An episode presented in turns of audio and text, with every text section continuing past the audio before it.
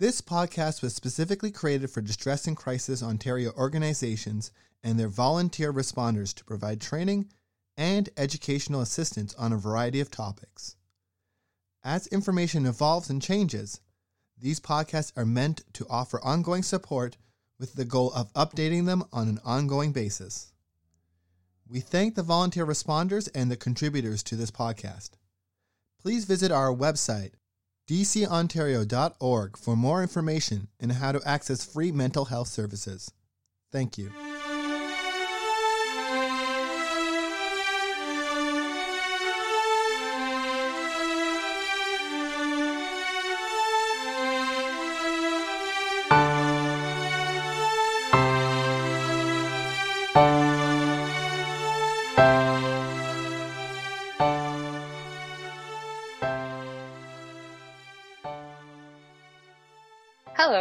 My name is Caitlin Plant, and I am the Program Manager at Distress and Crisis Ontario. As an ally to the Indigenous, Métis, and Inuit peoples of Canada, we seek to support their efforts for truth and reconciliation in social justice initiatives. For example, with the recent visit from the Pope to Canada in a long awaited attempt to honor Call to Action number 58 to issue an apology to survivors, their families, and communities for the Roman Catholic Church's role in the spiritual, cultural, emotional, physical, and sexual abuse of First Nations, Inuit, and Métis children in Catholic run residential schools and rescind the doctrine of discovery, we thought it would be an appropriate time to lend our support to Indigenous, Métis, and Inuit communities. Engaging in meaningful conversations, our aim is to use our privilege to learn, raise awareness, and build relationships for social justice. We hope to improve engagement, provide resources, help build healthy communities, and explore how we raise awareness for social justice in alignment with the United Nations Declaration on the Rights of Indigenous Peoples. To start, we've reached out to some agencies, as well as two of our member centers, who support First Nations, Inuit, and or Métis communities to ask for their guidance on these subjects. This week, I am joined by Katie Bortelin, Katie is a registered social service worker and program manager at Biindigin Anishinaabe Women's Crisis Home and Family Healing Agency. Talk for Healing, their 24 hour crisis line, is a member of DCO, and we are very grateful to learn from her today. Katie, thank you for joining us. Could you please begin by telling us a bit more about yourself and about the work that is being done at Biindigin? Sure. Thank you for having me. Uh, my name is Katie Bordelin, and um, I've been with Biindigin for the last 14 years. Um, and I serve as the program manager um, overseeing the crisis home, the Talk for Healing helpline, and all of our post crisis services that we have. So Biindigin has been around in Thunder Bay since 1978. We service Indigenous women and their dependents, and we like to have a proactive and progressive approach uh, to keeping Indigenous families safe. Uh, we recognize that Indigenous women, especially in Thunder Bay, are not just vulnerable to abuse, that they are also targeted for abuse here. Um, so we try to really meet people where they're at. Uh, we follow a harm reduction model, um, recognizing the traumas that people have been through and the coping strategies that they have. Uh, so people are we're able to service people who are actively in their addiction and actively using while still trying to keep them safe. Um, we have a 24 7 crisis home, our crisis line, um, which is staffed by resident counselors in our shelter, uh, where we offer risk assessments, safety planning, uh, referrals, and then informal counseling and supports. We also have post crisis services available. So we have group and individual counseling, uh, both clinical counseling and traditional counseling, um, addiction supports, harm reduction supports, human trafficking, housing, family court, um, pre and postnatal programs, children's programs, and then a Breaking Free from Violence program that helps women navigate uh, the child welfare system. Um, and as you said, we have our 24 7 Indigenous Women's Helpline, um, which is our Talk for Healing line. And it is a culturally safe helpline available province wide and available in 14 different languages, uh, where we offer talk, text, and chat support. Yeah, so you're definitely covering a huge area of support and doing some incredible work. Um, that's, yeah, that's amazing to listen to. Um, so, what are some of the common struggles and concerns faced by those who use your services? Um, well, as I said earlier, we try to have a proactive and progressive approach um, to, to supporting Indigenous women. So, historically, Biindigin was an agency uh, that was quite reactive when it came to intimate partner violence and domestic violence. So, you know, 15 years ago, someone had to actively have an abuser at the time. And now we're looking at it, especially looking into the inquiry into missing and murdered Indigenous women and girls. We saw that we were another hoop for people to jump through uh, to become safe and have a safe place to be. Um, so now, if someone calls us and they don't have a safe place to sleep, that we recognize that they are at risk of abuse, so we bring people in. So, having said that, we now are servicing people who are very precariously housed, people who have a lot of struggles um, surviving day to day on the streets. Um, we also service a lot of urban indigenous families that are coming from reserves. So there could be a lack of resources for them or knowing how to navigate um, those services. Food security and income security is always a barrier and issue for um, our residents and our clients. Um, Thunder Bay is uh, grappling a, a, severe drug crisis and opioid crisis, as well as a housing crisis. So many of the homes that people are coming from are overhoused, um, and people are really struggling to make ends meet. Um, something else that we're seeing a big trend in is gangs coming into Thunder Bay, a lot of human trafficking happening here. Um, and then that leading into you know trauma and mental health again with the drug addiction community violence. And um, when we're looking at COVID 19 and all of the issues that we've dealt with there, there's a lot of isolation and there's a lot of abusers using um, isolation tactics and power and control uh, to keep women uninformed and, and scared at home. So there's a lot that we we are struggling with here. Yeah, that's definitely a, a hard hard list to listen in on. Um, but also it really shows how in tune you are with the community that you're in, that you really have an understanding of these issues that they're facing. So, given kind of the model that Biindigin has, why do you think that it's so crucial to focus on women and families specifically and that continuum of care, kind of raising up women to support the whole? Well, we believe that women are the matriarchs of the family. When we're looking at um, the whole family system. I think it's important to recognize that services for men, boys, and two spirited individuals um, in Thunder Bay and beyond is lacking and deserving of more support in our community. Um, but at the helm of the work that we do, uh, the work that Indigenous women are able to do together um, and to provide that strength and support to one another and resiliency to really build a community is something I think is that we really need to highlight the key phrase there that I know personally that comes up a lot, especially through COVID, is that resiliency piece. And yeah, kind of how important it is to be able to strengthen that in, in all the communities.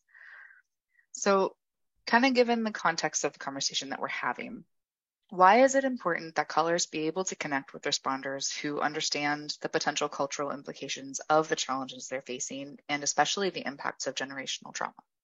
I think it's important because responders who have lived experience and knowledge allow for a different kind of healing to occur. Um, there's a lot of people who, you know, enter the social work realm and, you know, are really book smart and they get it. And, you know, they're here to do a lot of really amazing work to contribute to the community.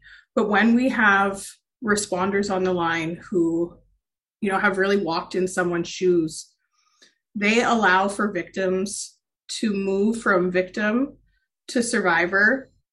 And then people kind of get stuck in that survivor space. But when you have someone with lived experience on the other line, they're able to really help you move from survivor to contributor and then from contributor to healer. So a lot of the women that we have who work here, that we work with that are in our community or external agencies, are a lot of people who have survived um, some really heart wrenching aspects and a lot of difficulty in their life and they're able to really give light um, and re- let people see that there's a light at the end of the tunnel and it doesn't need to be a really difficult road um, when you're doing it on your own. Mm, i love that. I love that progression from contributor to healer. Healer is such an incredible word there. So, did your organization, and I think specifically for this question, Talk for Healing, see any increase in calls and activity around the recent visit from the Pope? We've had an influx in calls, uh, mainly regarding debriefing and triggers that people uh, were experiencing. Some calls that I've read through um, spoke about the organization of the event and how it wasn't organized from an indigenous with an indigenous lens uh, with indigenous people really standing behind it um, there were some issues you know with security guards and people not recognizing that the event in itself has re-traumatized a lot of people and the, the supports weren't there so we've had family members reach out asking how they could access services and supports for their um, triggered family members yeah that is completely understandable. And I think, kind of in terms of unpacking that a little bit more, what is the importance of having made sure that those perspectives were there when planning this event? And it seems like it happened very suddenly. Like it kind of went from, oh, yes, this will happen to it's on pause to, oh, yep, he's coming. Like how much more challenging was the process because it kind of, at the same time, it took way too long to happen yeah and then happened all at once do you know what i mean like it, there was this very weird break in timing there well i think that you know when we look at truth and reconciliation when we look at apologies when we look at all these there are a lot of buzzwords and there are a lot of like check boxes that people think need to happen for truth and reconciliation to be fully realized. When if we're actually going to be taking a stance and you know putting these apologies forward and really standing and being behind those authentically, um, we need to recognize the impacts that all of these pieces are going to have on the survivors and their family members.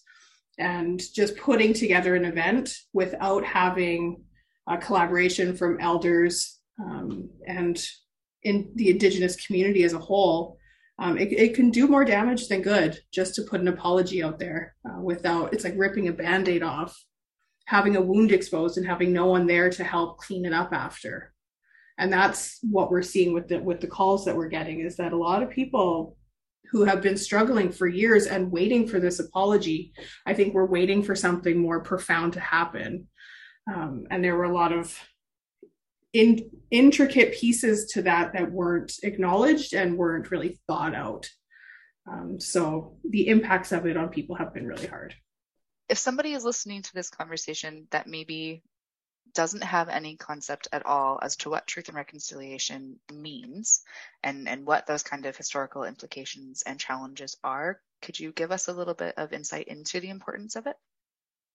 For sure. Um, so, myself, I am a non Indigenous settler um, living in Thunder Bay. And as a community member and as someone who actively tries to engage in the community, um, I need to put myself in a place where I am able to recognize my privilege, my power, and the unearned advantages that I have. When I look at truth and reconciliation, like I said, to me, they're a bunch of buzzwords without action. And if we're going to be looking at really wanting to engage and wanting to know, it needs to come from a large systems level. It needs to come from employers and the government and education systems having a true understanding and having the stories and the lessons taught by indigenous people themselves about the impact it's had on them and that it can have on the rest of the community as a whole. So allyship for me um, is a verb of engagement. It means you know you don't just call yourself an ally because you work at a certain organization or you did something. Every day you put yourself in a place where you're able to ask hard questions. You're able to hear hard answers.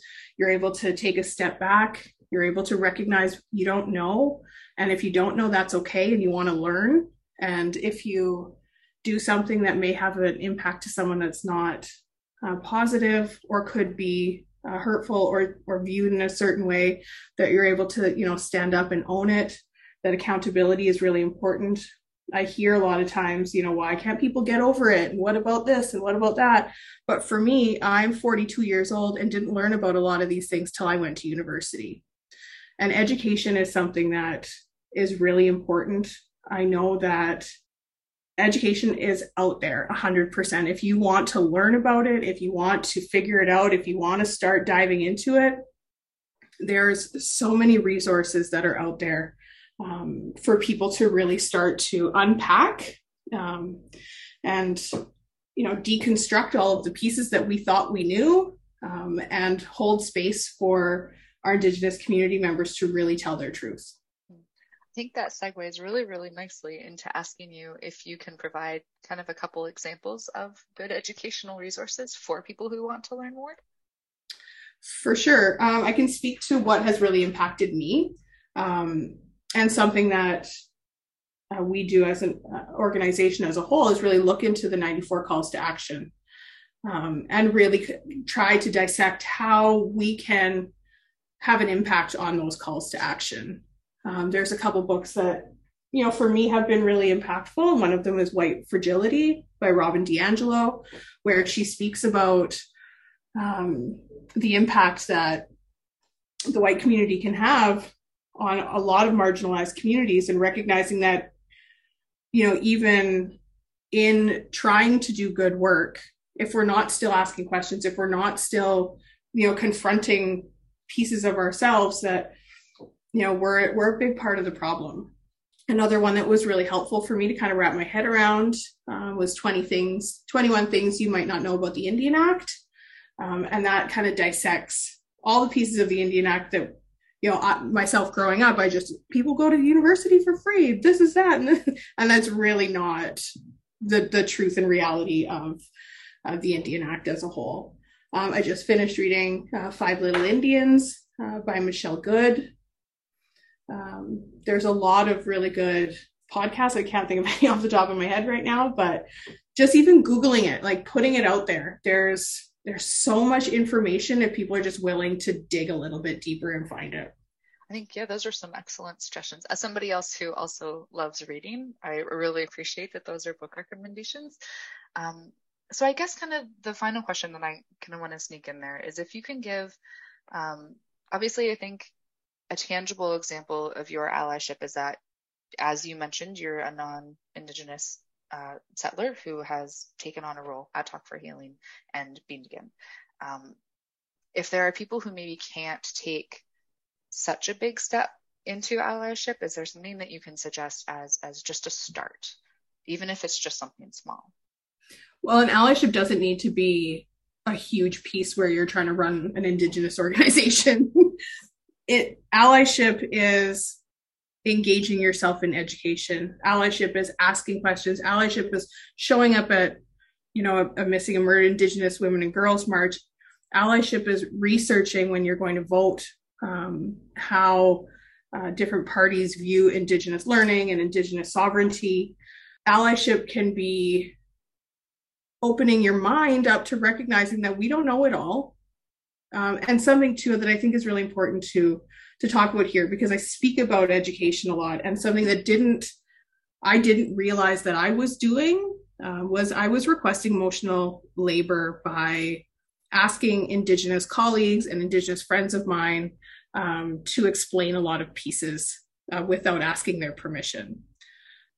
You know, I would you know ask about you know a, a, cultural ceremony and what is the importance of these these pieces of the ceremony without recognizing that um, i'm really asking someone to to give me a big piece of their learning and their tools and you know opening up uh, some some pieces of their history to me without asking for uh, for permission first. And recognizing that um, indigenous culture um, from a non-indigenous perspective um, the indigenous community that i have worked with and worked within um, has been really welcoming and really um, honored to assist and to teach and to help um, every community member, regardless of where they come from, learn that they can build their own bundle and build their own bundle in healing. And that in itself is a part of truth and reconciliation. I really appreciate that you added that that piece of seeking permission first because I do think it's really easy to go, oh, hey, I wonder if so and so who I know could give me their perspective on this without really, yeah, stopping to think about, hmm, should I be asking that question? And I think that yeah. is awesome to have that included. Yeah. Um, so before we kind of wrap things up, I'm just wondering if there's anything else you'd like to add that we haven't already talked about. Um, I think for me, uh, I just think it's really important for people to be kind with themselves. And if you're if you want to learn and you want to engage, and you're already halfway there, is the way I see it. Um, there's a lot of misinformation, but there's a lot of uh, really important information that's out there. And if you seek it out and you're doing your best every day, that you're a part of the goodness, you're a part of helping people um, heal, you're helping the community. And so I think if you just come at your work, whatever you're doing, you come at, um, you know, any any part of your life, if you're coming at it from a good and respectful way, um, that you're part of you're part of the solution. Thank you so much, Katie. I have really enjoyed learning from you today. Yes, for sure. Thank you for listening to this week's podcast. We hope it has been beneficial and inspires you to learn more about what you might be able to do to support truth and reconciliation. If you would like to view the calls to action compiled by the Truth and Reconciliation Commission of Canada, you can find the document on our website at www.dcontario.org forward slash category forward slash learn. An excellent resource is the National Center for Truth and Reconciliation, which you can learn more about at www.nctr.ca. For those who do enjoy reading, Indigenous Methodologies by Margaret Kovach also comes recommended by my executive director. Don't forget, if you need support, ONTX and our member centers like Talk for Healing are here for you. You can find your nearest center at www.dcontario.org forward slash locations, and ONTX can be reached from any page of our website, or you can access it via text by sending the word support to 258258. ONTX is available 2 p.m. to 2 a.m. Eastern Standard Time daily, and many of our members are available 24 7. If you have any feedback or requests related to the podcast, please click the link in our show notes to fill out our feedback form. Thank you again for listening. We hope you'll join us again next week as we continue on this learning journey.